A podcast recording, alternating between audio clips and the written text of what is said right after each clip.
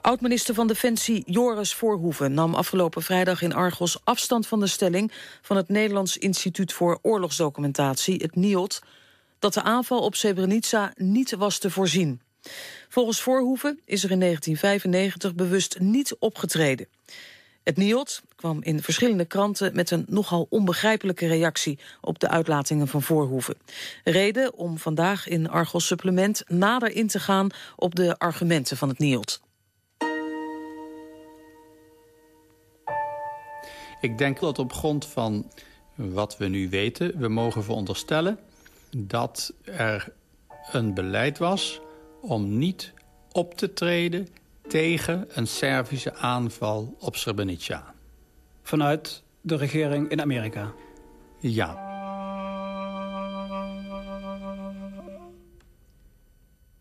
Oud-minister van Defensie Joris Voorhoeven. In onze uitzending van afgelopen vrijdag laakte hij het beleid van de Verenigde Staten ten aanzien van Srebrenica. Voor zijn stelling over de Amerikaanse politiek om in 1995 bewust niet op te treden tegen een aanval op de Bosnische moslim-enclave, verwijst Voorhoeven onder meer naar een onlangs opgedoken vraaggesprek met de Amerikaanse diplomaat Richard Holbrooke. Die zegt daarin dat hij in 1995 instructies had om Srebrenica en de andere moslim-enclaves in Oost-Bosnië op te offeren. Voorhoeven heeft nog een andere aanwijzing over dat Amerikaanse beleid. Hele sterke uh, aanwijzingen dat in ieder geval twee inlichtingendiensten... van twee grote leden van de Veiligheidsraad... al begin juni, dus ongeveer anderhalve maand... voor de Servische aanval op Srebrenica... wisten dat de Serviërs dit van plan waren. Men had voorinformatie over Servische aanvalsplannen... Uh, deelde die niet met Nederland.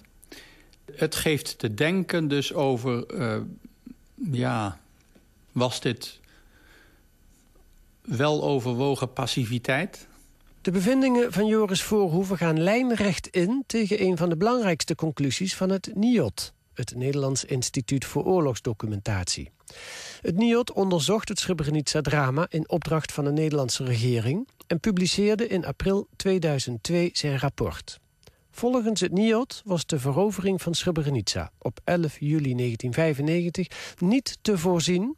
omdat de Bosnische Serviërs zelf pas op het allerlaatste moment zouden hebben besloten om de enclave te veroveren. En met deze stelling veegt het NIOD alle aanwijzingen van tafel... die duiden op voorbereidingen van voor juli 1995. De eindconclusie van het NIOD op dit punt luidt... Het blijft natuurlijk speculeren, maar nu er evident bij geen van de betrokkenen voorkennis was... was adequaat reageren bij voorbaat uitgesloten. Voorhoeven zei afgelopen vrijdag in Argos dat gezien zijn bevindingen... deze stelling van het NIOD, dat de aanval op Srebrenica niet was te voorzien... onhoudbaar is. Ik denk dat we reden hebben om die uh, conclusie over die intelligence te nuanceren.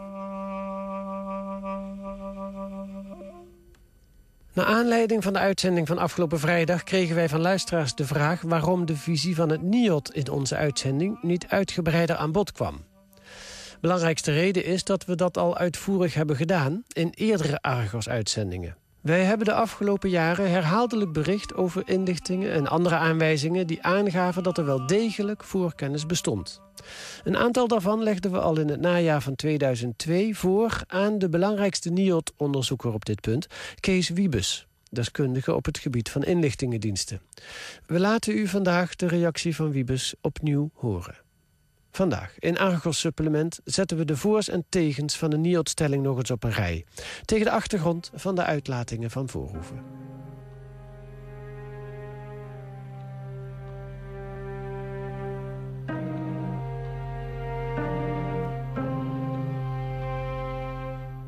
Ik ben zeker dat es uh, Vorwarnungen gegeben hat. Ik ben er zeker van dat er vooraf waarschuwingen zijn geweest... over de op handen zijnde aanval op Srebrenica.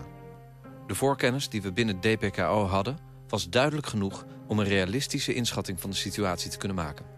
Aan het woord is de Duitse generaal buitendienst Manfred Eisele. Hij is een van degenen die in onze uitzendingen de NIOD-conclusie aanvochten. Eisele was in 1995 een van de hoogste chefs op het DPKO... het Department of Peacekeeping Operations... op het VN-hoofdkwartier in New York. Het was eindeutig erkennbar dat hier äh, van lange hand etwas äh, voorbereidet wurde. Im Grunde genommen war die Machtübernahme in den Safe Areas äh, aus unserer Sicht das Ziel mit wahrscheinlich der anschließenden Vertreibung der Bevölkerung. Het was zonder meer duidelijk dat hier lang van tevoren een operatie werd voorbereid... met als doel de machtsovername en aansluitend waarschijnlijk de verdrijving van de bevolking. Dat zagen we duidelijk aankomen. De vraag of de aanval op Srebrenica niet was te voorzien... hebben we in Argos al eerder aan de orde gesteld. Aanleiding daarvoor was een tip die we in 2001 kregen van een anonieme bron. Een officier die in 1995 op het DPKO in New York werkte. Die officier vertelde ons dat men daar onder andere beschikte over Amerikaanse luchtfoto's... die lieten zien dat de Bosnische Serviërs op verschillende plaatsen bunkers aanlegden... en doorgangen in het bos maakten voor tanks. Bovendien beschikte DPKO over rapportages van militaire waarnemers van de Verenigde Naties ter plekke over Servische troepenversterkingen. We probeerden bevestiging van dit verhaal te krijgen. In eerste instantie tevergeefs.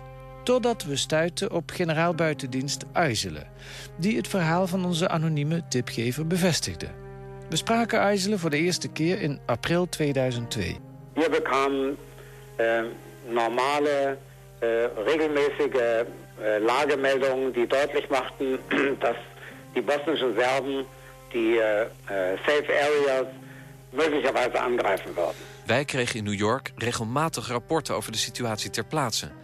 die duidelijk lieten zien dat de Bosnische Serviërs de safe areas mogelijk wilden aanvallen. We vroegen toen in 2002 NIOD-onderzoeker Kees Wiebes om een reactie bij dat gesprek was ook Dick Schoonoort aanwezig... die als militair historicus meewerkte aan het NIOT-onderzoek. Kees Wiebes. Ik vind het heel opvallend dat hij in IJsland interview met wij met wat hem gehad hebben... daar helemaal niet over gerept heeft. En ook geen voorkennis heeft gehad. We zouden er wel naar gevraagd hebben. Dat was omdat wij hebben namelijk uh, niet alleen met de heer IJsler gesproken... maar ook met andere mensen die daar werkzaam mm waren. We hebben meneer IJsler daarmee geconfronteerd. En toen zei hij dat pas. Niet in eerste instantie. Maar dat neem ik ook aan dat jullie de vraag hebben gesteld van waarom heeft het dan nog tot jullie geduurd? Nee, nee, maar, maar, nee, maar eerst even, eerst even dit, dit, punt af. Wij hebben met mensen gesproken die bij DPKO werkten in die tijd... en die hebben gezegd dat zij van Amerikaanse, Amerikaanse luchtfoto's te zien hebben gekregen... van het gebied rondom Srebrenica. U zegt dat kan niet. Vanuit welke tijd? In het voorjaar van 95. Gewoon nou, van, ik heb met Amerikaanse functionaris gesproken. En die, voor de één op één dan. Die stellen dat dit soort materiaal niet werd gedeeld met Department of Peacekeeping Operations. Uit angst voor lekken. Ja. Maar die man zegt dat hij het gezien heeft. Wat, Oké, en wat vertelde die luchtfoto's dan is de volgende vraag.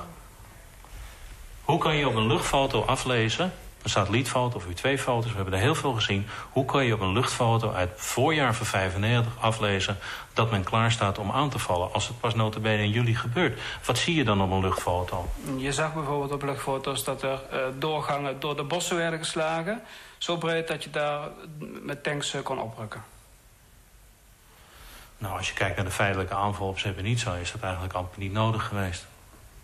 Ja, maar dan is over de weg Het gaat erom, gaat erom of je voorbereidingen treft.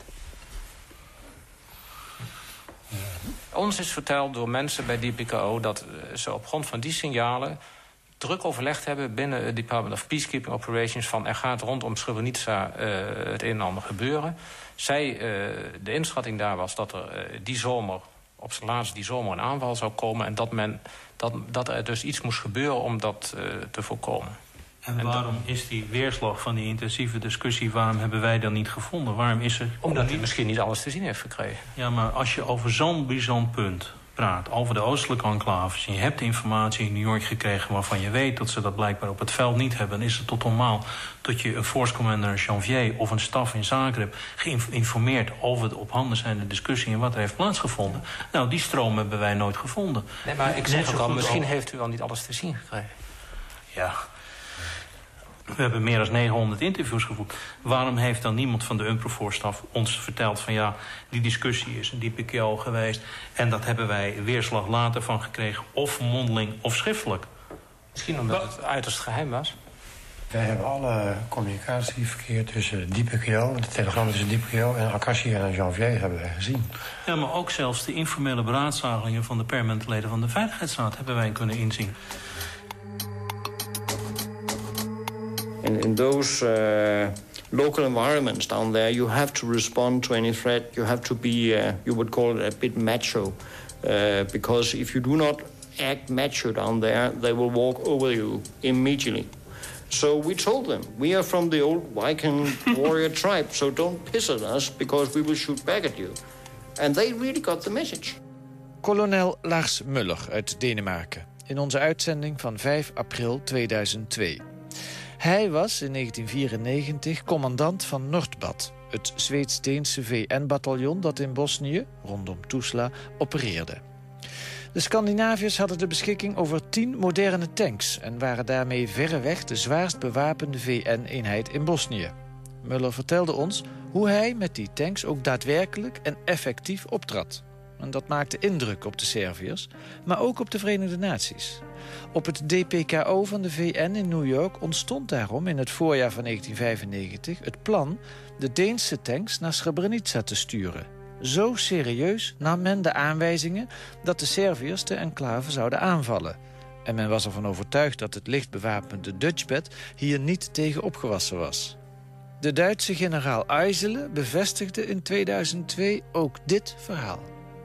Spätestens seit dem Frühjahr 1995 hat sich der Gedanke, äh, vor allen Dingen unter den Soldaten bei DPKO, entwickelt, ob man diese dänischen Panzer nach Srebrenica einbringen sollte, um die Blauhelme in die Lage zu versetzen, sich feindseligem Verhalten äh, erfolgreich äh, zu widersetzen. De NIOD-onderzoekers Wiebes en Schoonoord wilden ook van dit verhaal niets weten. Die overplaatsing van de Deense tanks naar Srebrenica was in de praktijk helemaal niet mogelijk. Al dus Wiebes in onze uitzending van 1 november 2002. Ja, sorry hoor, maar waar praten we over? Over een, groot stuk wat ze overbruggen moeten, door Bosnisch-Serbisch gebied. Bedoel, als je op een heuvel gaat sturen en je stuurt een antitankwapen op zo'n tank af... dan ben je weg, je blokkeert de weg en je komt niet veel verder. Nee, maar het gaat er ook niet om of dat nou realistisch was geweest... of dat haalbaar was geweest. Het gaat erom dat er mensen binnen die PKO waren... die dat wel realistisch vonden. En het gaat erover dat er serieus over gesproken is... op basis van de informatie die men had. En dat dit een van de opties was... Hè, die ontwikkeld werden uh, om een antwoord te hebben op de aanvalsplannen... die men al, de militairen heb ik het over bij die PKO... die men al in maart 1995 zag en interpreteerde als aanvalsplannen op Srebrenica. Maar kijk, je moet natuurlijk een onderscheid maken tussen uh, vrijelijk brainstormen... wat natuurlijk ongetwijfeld daar uh, veel gedaan is... en het uitwerken van militaire opties. Heb, hebben jullie dan bijvoorbeeld gevonden dat er in de wandelgangen van de VN... in maart en april 1995 met de leden van de Veiligheidsraad... door officieren van DPKO is overlegd over de mogelijkheid om Noordbad, of in ieder geval die Deense tanks, naar Srebrenica te sturen. Er wordt niet door officieren van de VN met de Veiligheidsraad overlegd. Door IJsselen persoonlijk met, uh, met de permanente vertegenwoordigers van Frankrijk en van Engeland. Dat, dat zou best mogelijk zijn. Dat, dat, dat in de wandelgang is daar contact over. Tuurlijk, daar is geen verslag van hoogstens de nationale, uh, richting nee. nationale hoofdsteden. Maar dat is er ook moeilijk controleerbaar.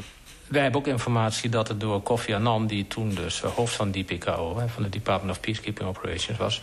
over die Deense optie overlegd is met Madeleine Albright... die toen de permanente vertegenwoordiger van de Verenigde Staten was bij de VN. Dan is het des te vreemd dat wij daar geen enkele schriftelijke weerslag hebben van gevonden... nog in interviews daar ooit iets van hebben vernomen. Ja, maar die informatie... Want we hebben met Albright gesproken, notabene, over alle opties die er waren... voor het versterken van de enclave, voor problemen rond de bevoorrading. Dat is door haar ook niet genoemd als het zo'n serieuze optie maar, was. Maar, maar, zou het niet zo kunnen zijn dat...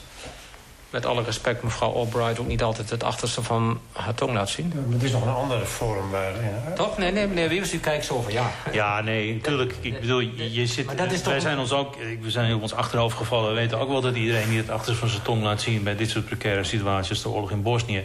Maar dan nog zeg ik, dan had je toch wel elders een spoor moeten vinden. Ondanks deze ontkenning door het NIOD blijft IJzelen bij zijn verhaal over de mogelijke overplaatsing van de Deense tanks naar Srebrenica. Het verhaal van generaal buitendienst IJzelen over de Deense tanks... wordt door de onderzoekers van het NIOD niet alleen genegeerd... maar zelfs gewoonweg ontkend. En dit terwijl IJzelen bij de discussie hierover binnen de VN-top... persoonlijk betrokken was. De NIOD-onderzoekers beroepen zich op gesprekken die ze hebben gevoerd met Amerikaanse functionarissen, onder wie voormalig VN-ambassadeur Madeleine Albright en hoge functionarissen van Amerikaanse inlichtingendiensten. Erich Schmid-Eenboom is directeur van het Friedensforschungsinstituut Weilheim in Beieren en was tot 1985 beroepsofficier in het Duitse leger. Hij is een van de belangrijkste experts in Duitsland op het gebied van inlichtingendiensten. Schmid-Eenboom heeft het NIOD geholpen bij het onderzoek naar de rol van de inlichtingendiensten bij de val van Srebrenica. Hij wordt daarvoor door Kees Wiebes zelfs speciaal bedankt in het nawoord van zijn boek. Maar Schmid-Eenboom kan zich niet vinden in de conclusies van het NIOD. Hij is er verbaasd over hoe Wiebes zich in zijn analyse heeft laten leiden... door wat Amerikaanse functionarissen hem hebben verteld. Man kan zich durchaus voorstellen dat de Amerikaner gerade in diesem Fall nicht die volle Wahrheit gesagt haben, weil es ja ihr Verhältnis zu den nachhaltig belasten würde. Het zou toch de relatie tussen de Verenigde Staten en Nederland behoorlijk onder druk hebben gezet als Amerikaanse functionarissen tegenover het NIOD zouden hebben verklaard ja, we wisten van tevoren dat de Serviërs Srebrenica wilden veroveren. Ik ga ervan uit dat Amerikaanse functionarissen allerlei beweringen hebben gedaan om de werkelijke gang van zaken te verdoezelen. Manfred IJzelen somt op welke informatie het DPKO in New York in het voorjaar van 1995 had... die duidde op een op handen zijnde Servische aanval op de enclave Srebrenica. In dem Frühling haben wir im 1995 beobachtet, dass es äh, planmäßige Vorbereitungen für Sommeroperationen auf der Seite der bosnischen Serben gegeben hat. In het voorjaar van 1995 konden we zien dat aan de kant van de Bosnische Serviërs planmatige voorbereidingen werden getroffen voor militaire zomeroperaties. Een veelheid van dit soort observaties leverde ons bij DPKO een beeld op dat we in toenemende mate als bedreigend zagen. Onda neki ovaj, razgovori sa nekim Srbima, imalo je se razgovora ovako Motorolama, neki koje poznaješ, tako. At that time uh, there were a lot of uh, movements around and things that could indicate. We had some communications with Serbs uh, over the radio stations, so we knew what they were talking about. Plus, international community wanted to take uh, out Dutch soldiers from here to do an exchange. Serbs didn't want, didn't allow for an exchange of soldiers to uh, happen. They would allow them to leave, but they would not allow them to come back. Ovaj, vojnicima Holandije. Because Serbs even uh, didn't allow uh, for food to come to the Dutch soldiers at that time. Uh, uh, Bosnian, Bosnian people, they really started to panic, and they were even ready to give up their own food to give it to the Dutch soldiers because it was like real, real pre-war situation again. We spreken met Hakija Mecholic in zijn kantoor in Srebrenica... terwijl een onweersbui losbarst. Aan het begin van de oorlog was hij commandant van een bataljon in Srebrenica. En toen Srebrenica tot een gedemilitariseerde zone werd verklaard... werd hij hoofd van de politie, tot het einde van de oorlog. We hadden allerlei aanwijzingen in die maanden voorafgaande aan de Servische aanval vertelt Hakia Mecholic. Bijvoorbeeld door bewegingen rond de enclave.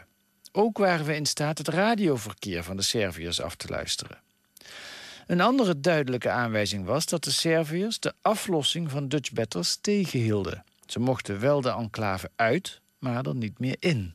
Zelfs het voedsel van Dutchbed hielden ze tegen. En de Bosnische bevolking raakte daardoor in paniek... en mensen waren zelfs bereid om hun eigen eten af te staan aan de Nederlandse militairen. Deze hele situatie duidde erop dat een oorlog op uitbreken stond.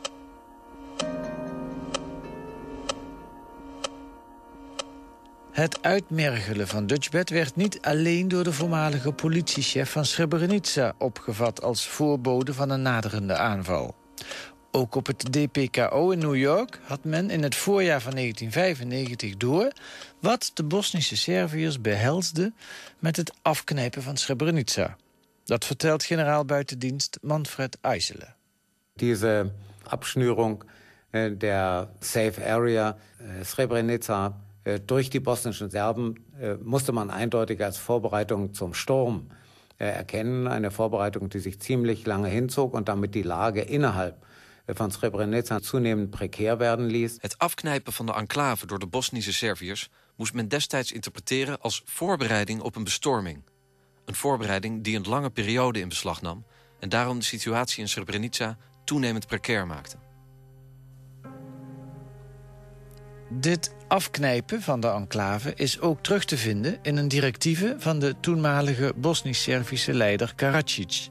In onze uitzending van 1 november 2002 spraken we daarover met de politicologe Erna Rijsdijk. Zij is aan de Universiteit van het Britse Newcastle bezig met een proefschrift... waarin ze bekijkt hoe de diverse onderzoeken naar de kwestie Srebrenica zijn aangepakt. Goed, en van belang is te weten dat dat dus een, een uh, van maart 95 uh, dateert. Daarin staat de zin...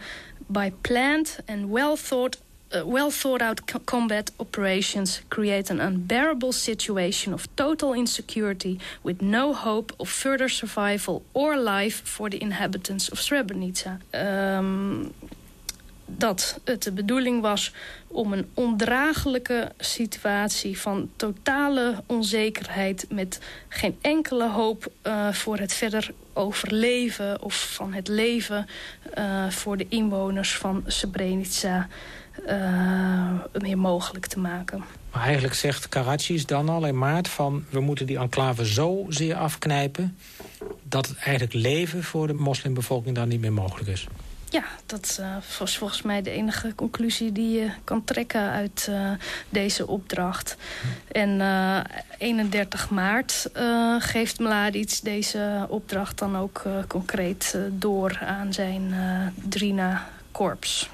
Dus aan zijn, zijn ondergeschikte, ja, zijn generaals onder hem. Ja, ja inderdaad.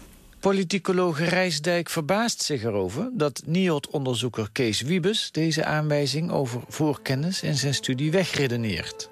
Evenals vele andere aanwijzingen. Je gaat door tientallen bladzijden heen... waarin de ene aanwijzing naar de andere uh, naar voren komt. En dan vaak tot mijn stomme verbazing concludeert hij... we wisten dus niks. En dan denk ik, hoezo? We wisten, we wisten niks. Uh, je hebt toch net uitgelegd wat we allemaal uh, wel aan kennis uh, hebben gehad. En, ja. Maar dat, dat vind ik gewoon vrij, vrij onbegrijpelijk.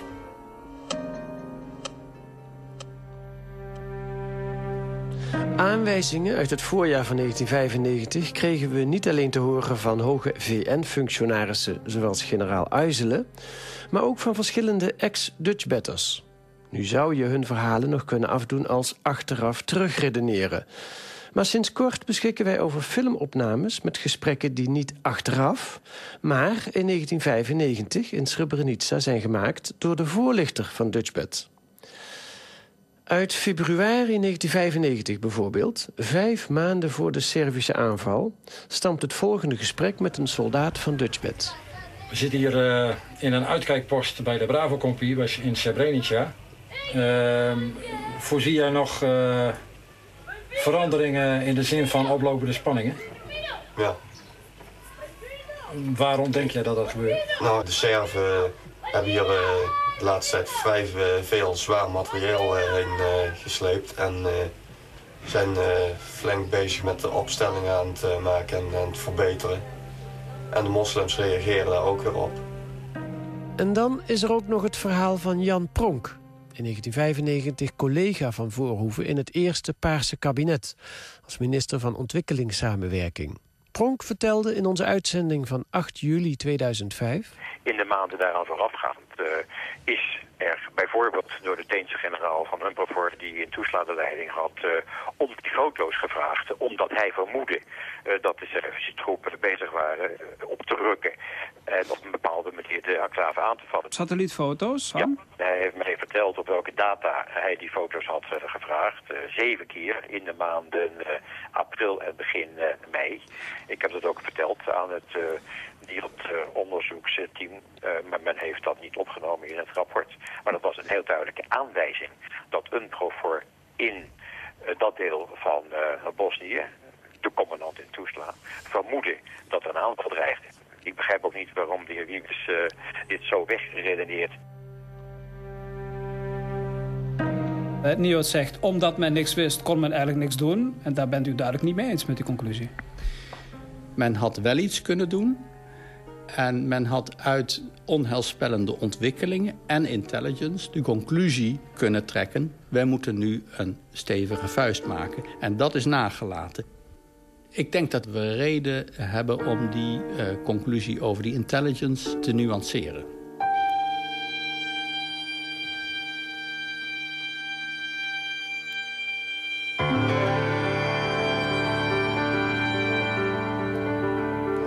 En tot zover Argos Supplement werd vandaag gemaakt door Huub Jaspers en Gerard Legebeke.